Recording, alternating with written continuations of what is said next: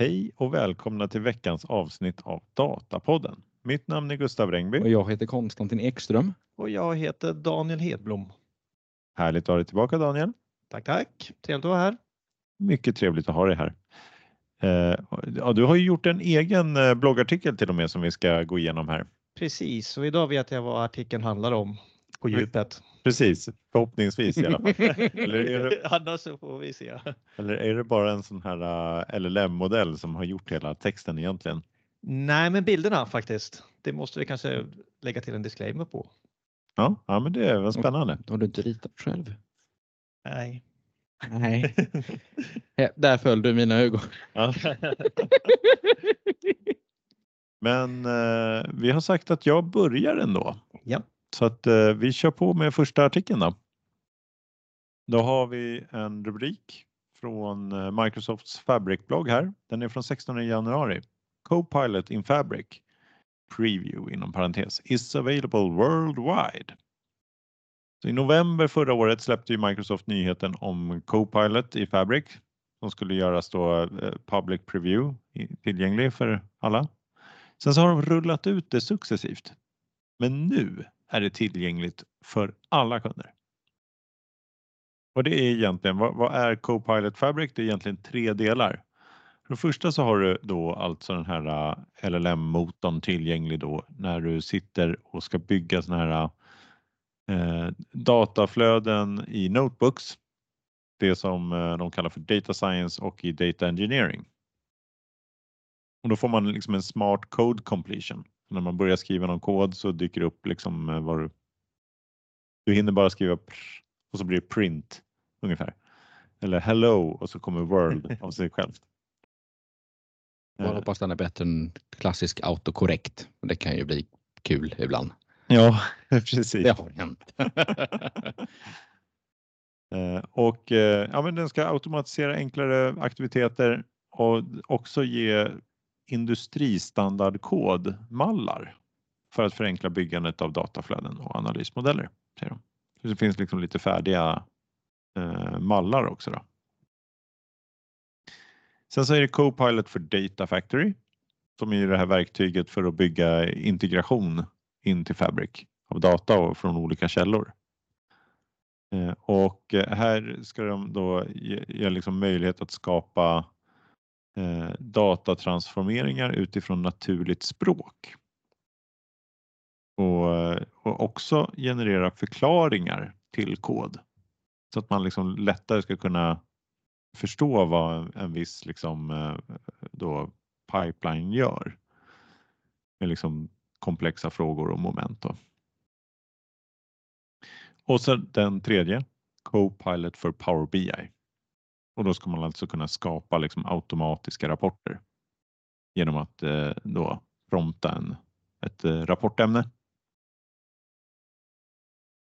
Eh, ja, frågan är vem får tillgång till det här då? Till private preview eller eh, public preview? Och då är det ju alltså, du, du, det räcker inte att du har Fabric utan du måste ha F64-licensen.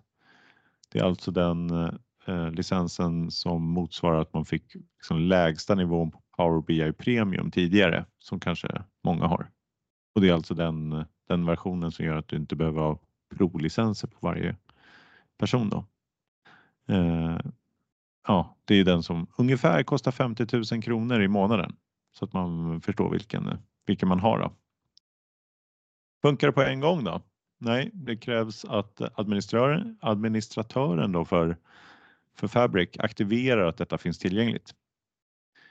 Så säger de här också att ja, men sedan någon månad tillbaka så går det också att aktivera den för specifika då AD-grupper. Det kan vara en bra funktion om man vill liksom prova på lite grann och inte släppa allting för alla till att börja med. Mm. Det är riktigt roligt här va? Ja, verkligen. Och det är så många sådana här announcements så att det är nästan svårt att hänga med på Mm. produkter och så vidare. Men, Mm. Ja, verkligen. Mm. Ja, men det, det gör väl eh, ännu mer intressant att börja, de som eh, liksom har kanske inte ännu börjat kika på Fabric. Eh, som, eh, för det är ju intressant även för de som är uppe i molnet och kanske Mm. har en cloudlösning på, eh, de tidigare versionerna då, Synapse i Microsoft och så vidare. Mm.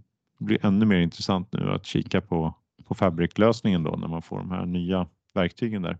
Mm. Vad tror ni, vilken tror ni av de här Copilots-delarna tror ni kommer liksom effektivisera, effektivisera mest? Och precis den frågan jag tänkte ställa till er. Aha! Ja. Jag, jag skulle ju gissa att eh, Power BI eh, saken, eh, vad vill man säga? Ja, just det. Liksom Power. BI, Ja. Copilot kommer ju göra att eh, användare driver på mer. Mm. Jag, jag är övertygad om att det här ChatGPT och generativ AI ofta kommer nerifrån ifrån entusiaster och att Mm. de sätter fart ganska omgående. Så att jag skulle tro att den kommer kanske få en större effekt. Mm. Och kanske ännu mer om man kollar på Office 365s Copilot så kommer det göra att folk börjar förstå, ja men vi vill ha det här och det här och det här också. Mm. Eh, Så det, det är min syn. Mm. Ja, men jag kan nog hålla med dig om det, här, att det kommer öka. Folk kan se mycket snabbare vad som går att göra. Mm. Mm. För det måste man väl ha liksom om man ska lägga en beställning på att hur någonting ska vara, då kan man åtminstone få lite olika förslag och se vad, vad kan man göra? Hur kan det se ut? Eh, Men sen tror jag också den här autokorrekten som fyller i själv, den kommer att öka eh, produktiviteten ganska markant, även om det kanske inte är så mycket mer avancerat än att det dyker upp parenteser och eh, kommatecken på rätt ställen. Men bara att få ut den när man skriver, eh, man kallar på någon procedur eller någonting sånt där. Det kommer göra det mycket snabbare att faktiskt skriva själva koden. Ja. Där tycker jag, jag tror det kommer en intressant fråga där att ett visst företag kan ju ha vissa preferenser på att eh, ja, vilken kod ska genereras och hur ska den genereras. Det har ju vi till exempel när vi bygger en, en data pipeline att Mm. ja, programmera helst inte i C-sharp om det inte behövs. Mm. Eh, Jag tänker så, jag tänkte mer på formateringen, ska det vara tab Ja, eller precis, mellan men, dubbel, eh, så ny rad? Så jag, jag har faktiskt inte testat just den där funktionen än, men eh, jag kan tänka mig att det snabbt dyker upp till oss att ja, vi vill träna om den här nu för den ger fel råd så att nu ska ni förklara oss hur vi tränar den här Copiloten. Så eh, vi får se vad som händer, men Mm. det kan snabbt bli intressanta frågeställningar. Mm. Är vad jag ja, gissar ska vi säga. ja, verkligen. Ja, jag, jag, jag tror också, det känns som eh, Power BI-delen där känns ju som det kan öppna upp så himla mycket. Mm. Eh, Så mycket enklare att göra fler rapporter på något sätt. Mm. Medan det andra blir mer, det är ju ändå sånt som måste, men kanske att det blir lite eff- effektivare men det finns inte så mycket mer jobb att göra där om man har dragit in sina datakällor och så vidare. Ja, nej. Det är ju mindre, mindre jobb där. Mm. Ska vi gå vidare? Och Ja, kika lite på Random Forest eh, hemsida. Ja, så jag har skrivit en bloggartikel som handlar om ChatGPT versus traditionell dataflöden och hur man jobbar med det. Och eh, an, jag kan väl dra anledningen till att jag började skriva på det här också. Då. Det är inte bara för att hypa utan för att för tre år sedan skrev jag en bok om AI and art som handlar om generativ i, ja, generativ, ursäkta mikrofonproblem här. Eh, så skrev jag en bok som handlar mer eller mindre om Gen AI med som heter AI and Arts som handlar om att skapa bilder och det här som man förknippar med det. Och när jag skrev den boken så kände jag att ja, men det här är ju inte det vi jobbar med dagligen, att eh, bygga datalager och Power BI-rapporter. Det är helt väsensskilda saker. Men eh, det är nog lite feltänkt har, man, har jag kommit på över, över tid. Så jag tänkte att, eh, och jag stöter på den där synen hos andra ibland att ja, men det här är jättekul för de som skriver artiklar. Men det har ju inte med riktig databehandling att göra som Mm. att samla stora mängder data som ska summeras eller räkna ut KPI. Men jag vill hävda att det är viktigt för oss att börja titta på det här för att eh, eh, det kommer att få påverkan på två sätt. Men i den här artikeln pratar jag mest om det första och det, det är ju att en chattmotor kommer att göra det mycket snabbare att ställa snabba frågor. Så Idag när vi jobbar så är det ju ofta processen att vi samlar ihop en massa data, vi lägger den på en hög och sen så eh, designar vi någon slags output oavsett om det är en analytiker som gör i Excel helt själv eller vi bygger ett avancerat system med eh, ETL, ELT, Lake, Warehouse. Så den traditionella synen har ju vi, men GPT gör ju då att det snarast blir en fråga få svar, vilket blir mycket snabbare. Så att i den här artikeln så utgår jag från att eh, fråga Bard om kan du rita en chart med Sveriges GDP? Och det gör ju det, det direkt på en instans och då behöver vi inte gå in att söka upp informationen och pasta in den i Excel och rita en chart. Så det blir mycket mer intuitivt och snabbt. Och det gör väl då att eh, i alla de här AI-hypesen, hyparna som finns där ute kommer säga att vi kommer inte behöva datalager och vi kommer inte behöva analytiker. Men så enkelt är det ju inte utan det finns ju vissa problem med det här. Och det första problemet är att den kan ju inte vår data. Den vet ju inte bolagsintern data så kan jag inte fråga den vad jag fick i lön förra månaden. Så där krävs det ju integration och det pratar jag om i en, en bloggartikel som kommer om ett tag om hur man kan koppla in sin data och olika metodiker för det. Så det, det är lösbart och ganska enkelt. Så att eh, den kan man hantera. Men sen så kommer man snabbt in på frågor om var hittade den här informationen? Om den säger att Sveriges BNP är 50 000 kronor. Den är större, men jag kommer inte ihåg den i huvudet. Lite mer är den. Lite mer, men vi säger 50 000 bara så att alla ja. förstår att det är fel. Eh, då vet vi inte var siffran kommer ifrån och framförallt kan den ha hallucinerat fram den.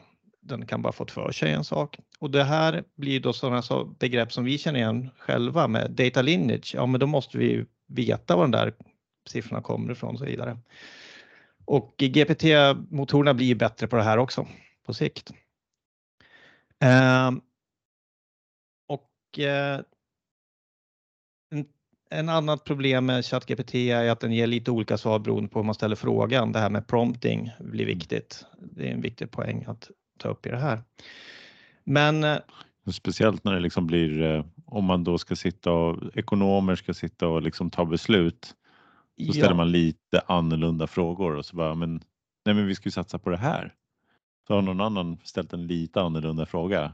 Och det här blir nu ska vi inte diskutera inte den här bloggen det, men det gör ju att analysrollen försvinner ju inte utan vill man ha BNP så måste man ju begära I want GDP non-PPP adjusted in 2017's dollar. Mm. Om man verkligen ska veta vad man vill ha för någonting för att det så yrkeskunskapen kommer ju finnas kvar. Mm. Men med det sagt så kommer ju eh, jag tror att det här tillför ju då ett nytt sätt att fråga data och ett nytt verktyg som jag tror att folk kommer att förvänta sig att det ska finnas inom ett tag. Och vi ser då med Copilot i Microsoft att de försöker också, de inser det. Så det här kommer ju att ramla in i väldigt många verktyg. Men jag tror att om man börjar leka med det redan idag, då förstår man ju, då får man snabbt en känsla för möjligheterna och nackdelarna.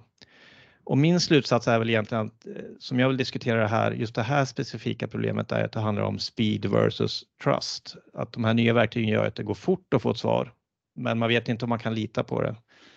Och tar man det från vårat eh, datalager, då vet man ju att ja, men den här siffran är single source of truth. Ja, men då har vi trust i det, men då kan det ju ta lång tid att bygga upp en lösning runt det hela. Mm. Så det är, det är väl det första steget i den här processen att diskutera hur GPT, LLM-modellerna hänger ihop med våran värld och sen så ska vi fortsätta att utforska det här i lite fler bloggartiklar. Mm. Ja. Så det är min syn eh, på det hela. Och eh, gå gärna in och läs den och kommentera och säga att jag har fel eller rätt. Ja, just det. Du, men du tror att det liksom eh, någonstans så kommer man behöva en eh, analytiker som fungerar som domare då lite grann? Nej, men du måste ju ha, du måste ha kunskap om din sfär. Mm. Tror jag att det kommer att, att, vara. Och om vi pratar om våran roll så tror jag att det, när, om man frågar ChatGPT så kommer man in på frågor som vi är vana att hantera med lineage och och ska man kunna fråga en ChatGPT, ja men då måste vi ha en datakatalog. Så det är många saker här som knyter in till våran roll fortsatt också. Mm.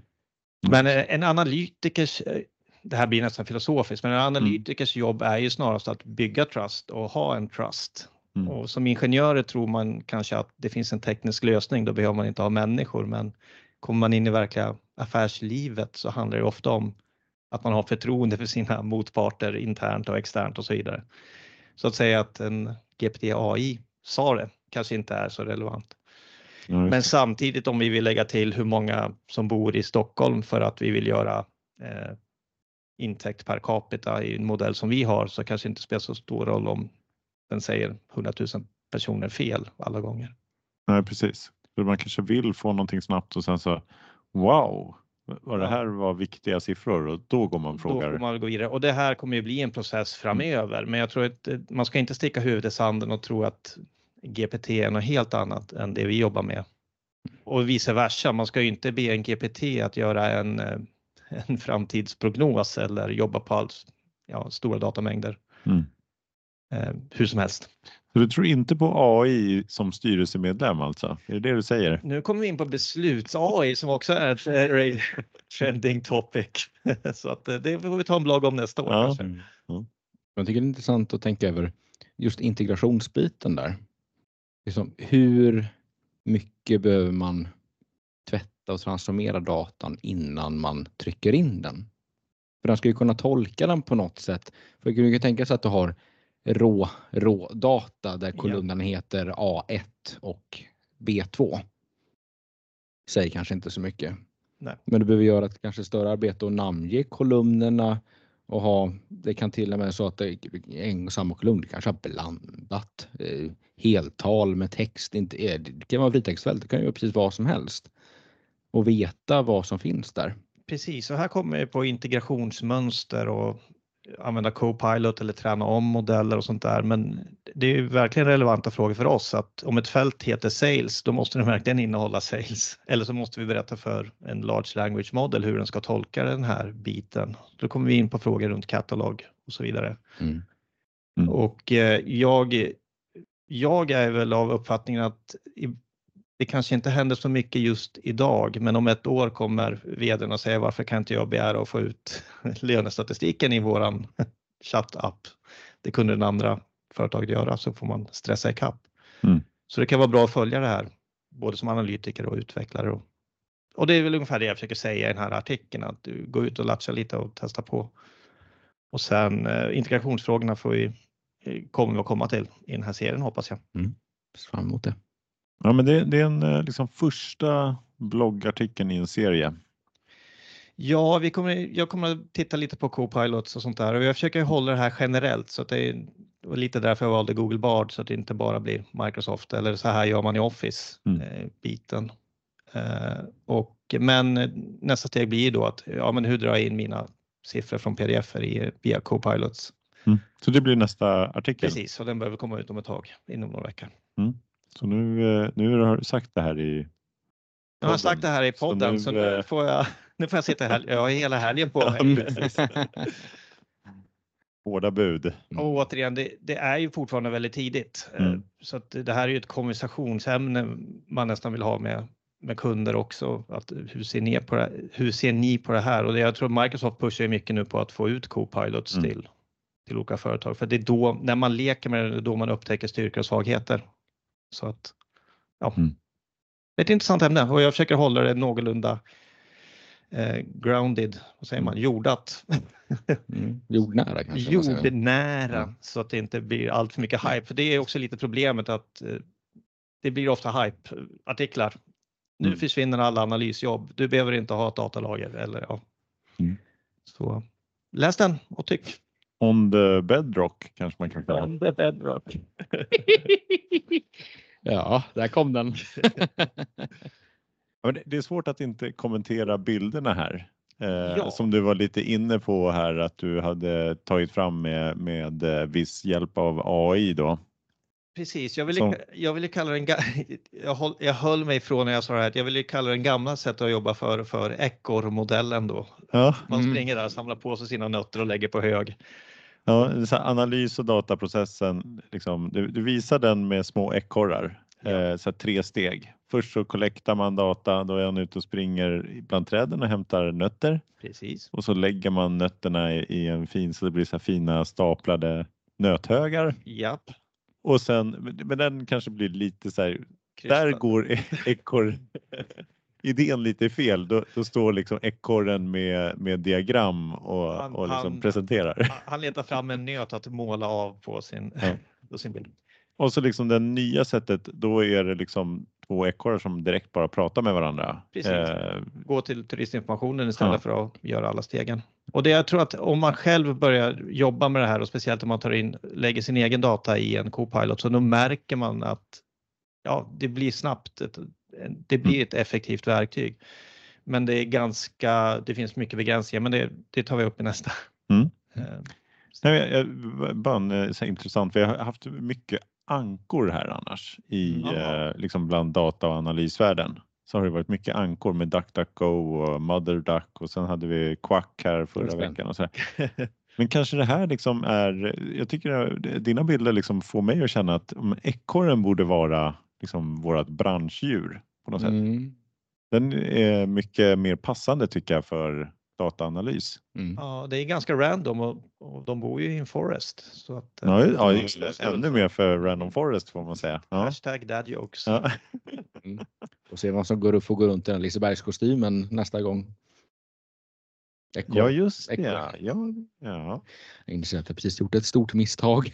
Ja. det här kommer Göteborgskontoret att gilla. Precis. Ja, ja men det, det är sant. Det, det kommer de gilla. Men nu går vi vidare va? Ja, och det blir lite djupdykning i tekniken här från min sida. Mm.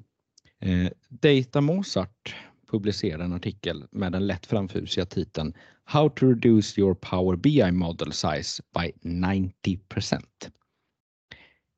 Denna kastar jag mig såklart genast på. Det låter ju nästan lite för bra för att vara sant. Men de verifierar faktiskt med ett praktiskt exempel. Men först går de in på hur Power BI fungerar under huven. Jag tänkte ta och dela med mig det här för det var väldigt lärorikt tyckte jag.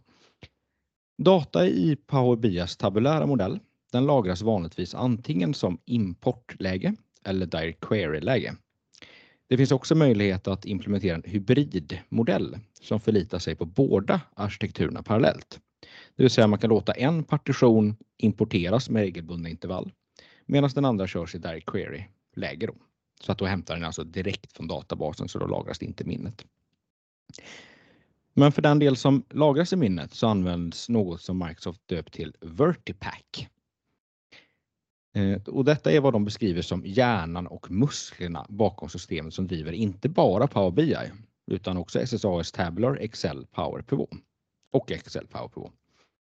Eh, det som grundläggande karaktäriserar Vertipack-motorn är att det är en kolumndatabas som lagrar allting i minnet. Och när man väljer importläge så utför Vertipack-motorn de här stegen. Först läser den in datan, omvandlar till kolumnstruktur och komprimerar datan sedan inom varje kolumn. Sen skapar den index, och skapar relationer och beräknar alla beräknade kolumner och beräknade tabeller och komprimerar dessa.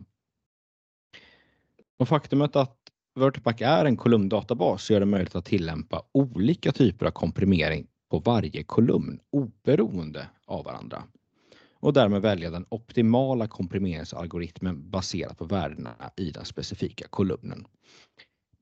Så långt så kan det låta ganska avancerat, men egentligen är det inte så avancerat som det låter, för det finns nämligen bara tre typer av encodings. Den första heter Value Encoding och detta är den mest önskvärda kodningsmetoden eftersom den kräver minst utrymme. Men dock så fungerar denna bara för integers.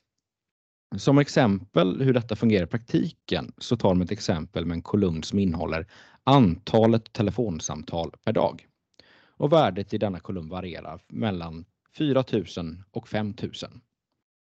Och vad Vertipack skulle göra här är att hitta det lägsta värdet i detta intervall som då är 4000 som en startpunkt och sedan beräkna skillnaden mellan detta värde och alla andra värden i kolumnen och lagra mellanskillnaden då som eh, är det som lagras då i tabellen. Så vad vi helt enkelt får det är en kolumn där det står 100, 200, 500 och det representerar då 4100, 4200 respektive 4500. Glasklart va? Inte så avancerat. Sen har vi... Ja, det känns eh, förståeligt i alla fall. Ja, Sen har vi den andra här, hash encoding, eh, även kallad dictionary encoding. Jag tyckte faktiskt hash encoding var lite missvisande. Jag förstod inte så att den hashade egentligen. Eh, men det är däremot den förmodligen mest använda komprimeringstypen, eh, den vanligaste som väljs. Och genom att använda denna kodning så skapar Vertipack en ordlista över de distinkta värdena inom en kolumn och ersätter sedan riktiga värdena med indexvärden från ordlistan. Kanske är det värt att ta lite ett mer praktiskt exempel här. Eh, för då kan man tänka sig att det ser ut lite grann som en vanlig relationsdatabas där man har en dimension som innehåller ett antal rader med nyckel och text, till exempel ett ost, två kex. Sedan står det bara referenser till dimensionen för faktatabellen som då representeras genom 1 eller 2. Och detta leder in oss på en liten viktig slutsats.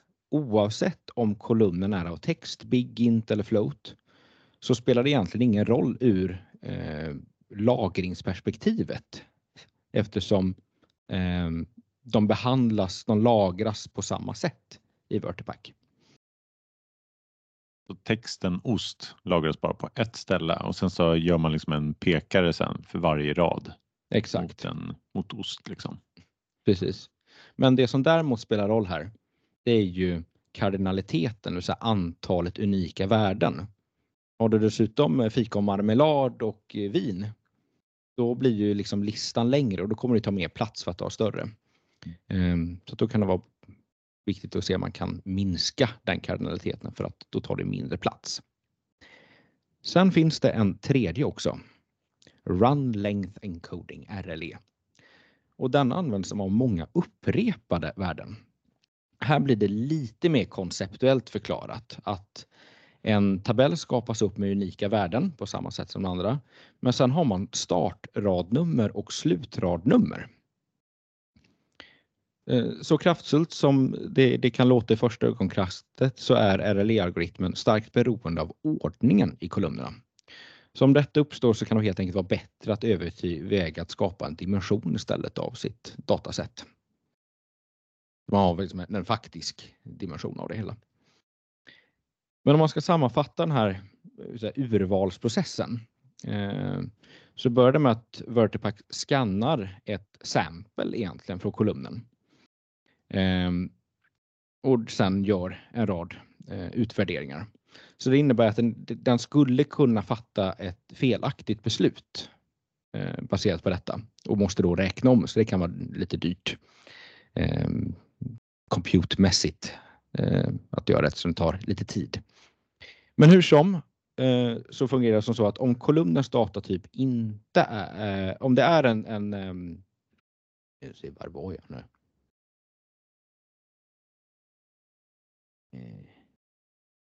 Um, det här run uh, length uh, ja.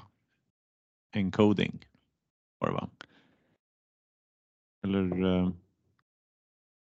Nej, jag har tagit bort det delar. Jaha.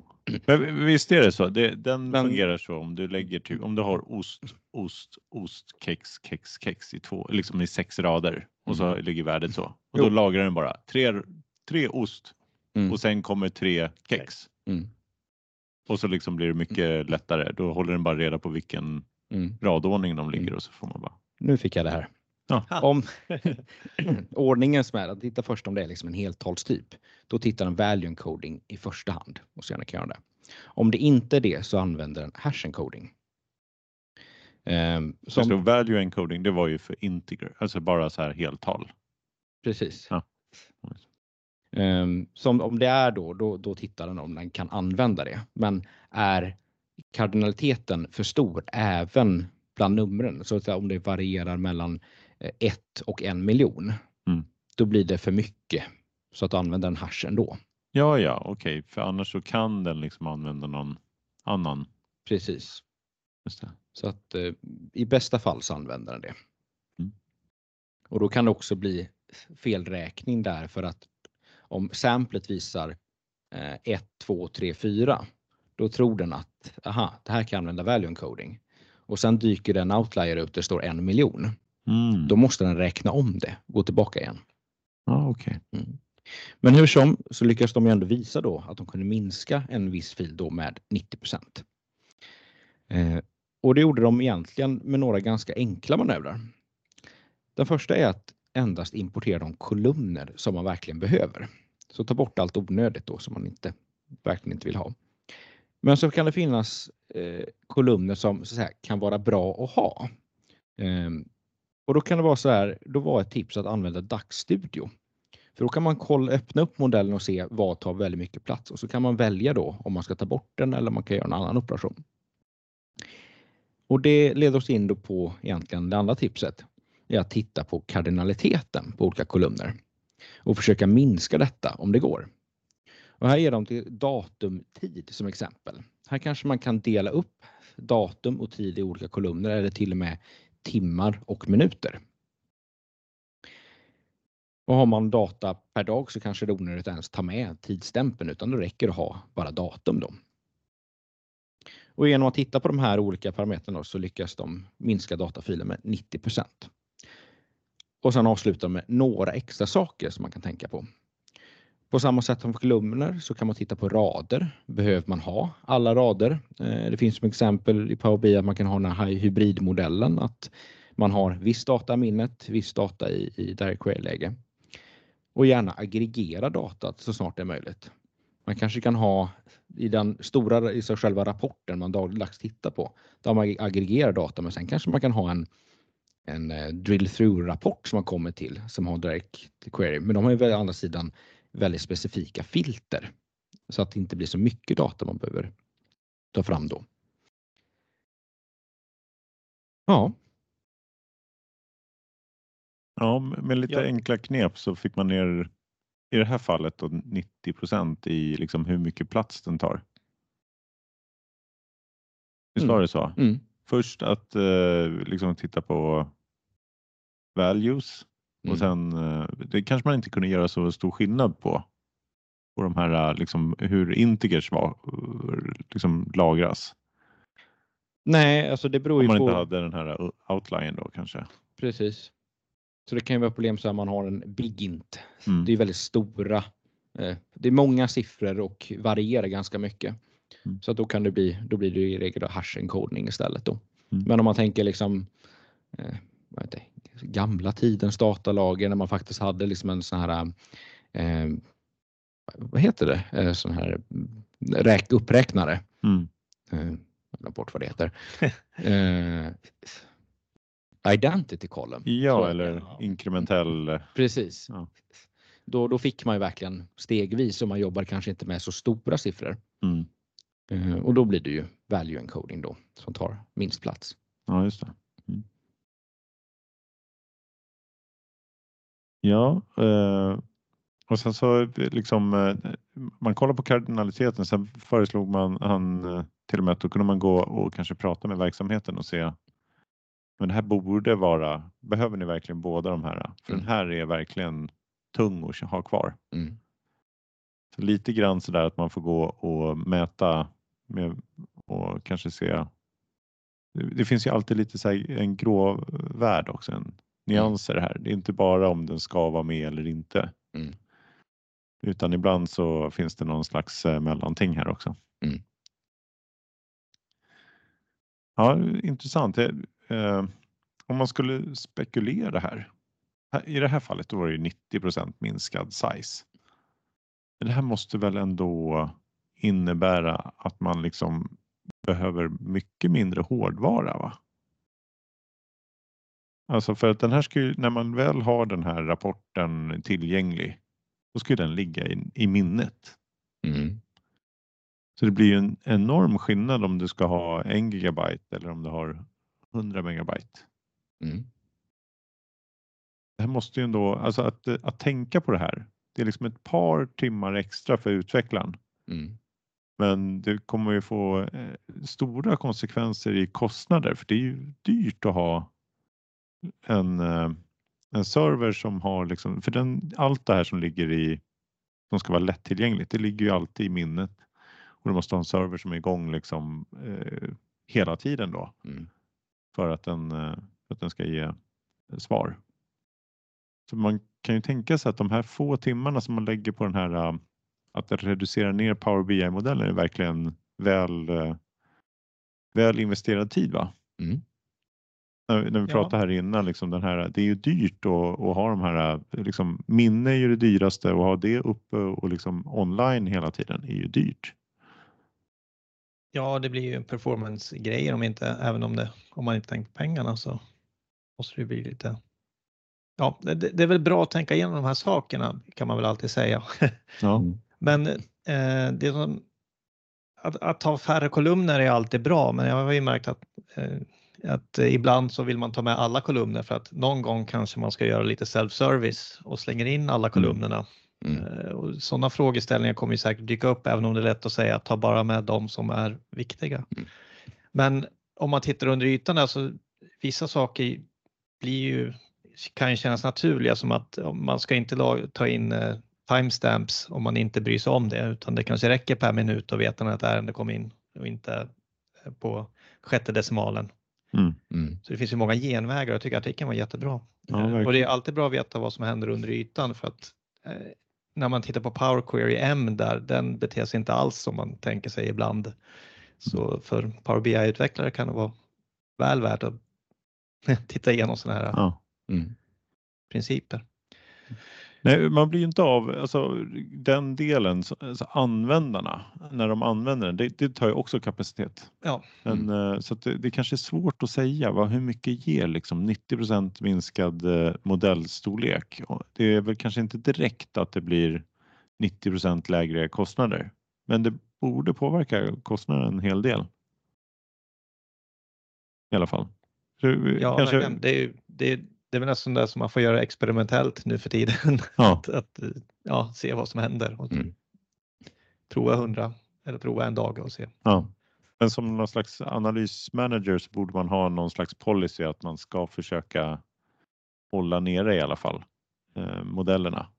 Så att man, för det är väldigt lätt att man kanske gör någonting snabbt och så lägger man upp det och sen så glömmer man bort det. Så ligger Jag, rapporter. jag har personligen aldrig gjort så att jag sk- skriver select stjärna ifrån en tabell. Nej, det skulle aldrig hända. Det skulle aldrig hända och jag tänker alltid på, men, men det kan vara värt att hålla i huvudet och speciellt då faktiskt. Men Ja. problemet där blir ju då att då kommer man in på större modelleringsprojekt. Ja, men är det verkligen vi- viktigt att veta färgen på produkten och så blir det en Mm. debatt som kanske inte behövs för att spara fyra kronor om året. Ja, just det. Mm. Ja, det gäller att ha en lagom nivå på det, men eh, ja. Men mycket av det här var ju också att man kunde göra det till och med utan att eh, liksom sätta begränsningar. Eh, Mm. Bara en del råd om hur du liksom lagrar datat bara i rapporten för att dra ner kostnaderna Mm. också. Men det är lite kul att de ändå tar upp att det är så här, text och big int. Det tar samma plats. Mm. Mm. Man kan ju tänka att big int borde ta lite mindre plats. Eh, Och, att, och att det inte fanns någon eh, decimalgrej där tyckte jag. Eller jag förstod inte riktigt om det bara var integers. Men att, Ja, det var nog ett exempel. Det handlar ju om ja, skillnaderna. Om skillnaderna för stora så. ja. Ja, just det. Ja, och, Och- den här value, alltså själva tanken där, det är ju att eh, om du hade de här eh, mellan, om du har eh, liksom några tal som dyker upp mellan 1 och 10 Mm. så lagrar du inte det, eh, eller vad heter det, om du har 100 till 110 Mm. så behöver du inte lagra det som någon typ av eh, liksom värde eller integer som, innehå- som kan klara av 110. Mm. Utan du kan lagra den som någonting, eh, ett, eh, liksom en datatyp som bara behöver kunna upp till 10. Så det var väl det, det, det är liksom själva poängen där varför man börjar på det minimala och sen går lite maximala. Precis. Utan den plockar bort siffror. Så det blir liksom några färre bitar hela tiden Mm. eh, som den kan lagra de där talen i. Mm. Mm. Ja, spännande. Då vet Ja. vi vad vi ska göra. Ta bort kolumner. Ta bort. Vi ska Då blir man populär reducera hos våra användare. Vi tar bort alla kolumner så får ni bara heltal som dagar. ja. Ja. Nej. Jag har en liten extra nyhet idag också. Ska vi köra den också? Tycker ni det? Eller har ni fått nog? Nej. Nej. Ja, men då har vi en liten, eh, kanske liten, eh, får säga, lite rolig, rolig artikel då. Mm. Nu har vi redan haft eh, en, det blir en italiensk middag med fyra rätter. Nu kommer desserten. Eh, 3 januari eh, i Business Insider kommer en artikel här som är intressant. Eh, man har ju länge tro, trott här att eh, spelet eh, Tetris, som man eh, trott att det har funnits, liksom, eh, har funnits en gräns. Man kunde inte komma över level 29 och det här är alltså Tetris Nintendo 8-bitars version som vi pratar. Level 29 och sen går det inte längre. Tor Ackelund blev kändis i gamingkretsar när han 2011 nådde level 30. Och det här gjorde han genom en teknik då som, som han kallade för hypertapping. Han hittade på ett nytt sätt hur man liksom skulle klicka på knapparna för att Ja, men det, det tog inte slut där. 2022 var det dags för nya höjder. Då nådde en Tetris-spelare level 146 med en ny teknik som de, han, som de kallade då för rolling. Det är helt otroligt. Level 146. För en månad sedan då så lyckades Willis Gibson, 13 år från Oklahoma i USA. Då. Han har kommit så långt så att Petris dör på skärmen. Och det här skedde på level 157. Hände det här då. Vince Clemente, president för Classic Tetris World Championship, om ni inte känner till berättar för The Times att det Gibson gjort aldrig gjorts av en människa förut. Vi trodde att det var omöjligt för några år sedan. Och, eh, men då är det så att man har satt en AI-bot på det här och fått den att eh, liksom döda systemet för att det liksom går för långt. Då. Men nu har en människa klarat det här. Eh, jag sa inte artikelnamnet. Until now only AI could beat Nintendos Tetris. Enter this 13 year old kid. Jag tycker att det här är lite som en solskenshistoria. Vi pratar mycket om att eh, liksom AI kommer ikapp människan hela tiden. Här är det människan som kommer ikapp AI. Är det inte helt underbart? Fantastiskt. Den yngre generationen slår tillbaka. Ja, Mm. Underskatta inte människan i det hela. nej, verkligen inte. Men vilken nivå kom han till innan? Det var 157 så eller? Precis, eh, level 157 var det ja. Mm. Så dog Tror- den. Eh, Den här QA'n som testade det där spelet, märkte inte han buggen att det, att det kunde spåra ur efter 157 Ja, nivåer? det, antagligen finns det någon, eh, för som Nintendo är väl eh, japaner. Ja, de brukar vara noggranna. Det är någon japan som liksom blir utskälld i något eh, kontorsrum just nu, en utvecklare där. Som eh, Nintendo-anställd där som eh, blir jag, på en trodde ingen, avhyvling. jag trodde ingen skulle komma förbi lev- level 25. Nej, Nej, anta inte. Don't ask Precis. you. precis. Ja, Nej, men det var en trevlig historia. Mm. med den så får vi väl avsluta eh, dagens eh, avsnitt tror jag och Ja. ge oss, ge oss tillbaka till ekorrehjulet va? Eller vad säger ni? Det här kommer att bli en meme på vårt kontor tror jag. Det är Bra. Tack så mycket. Tack så mycket. Hej då.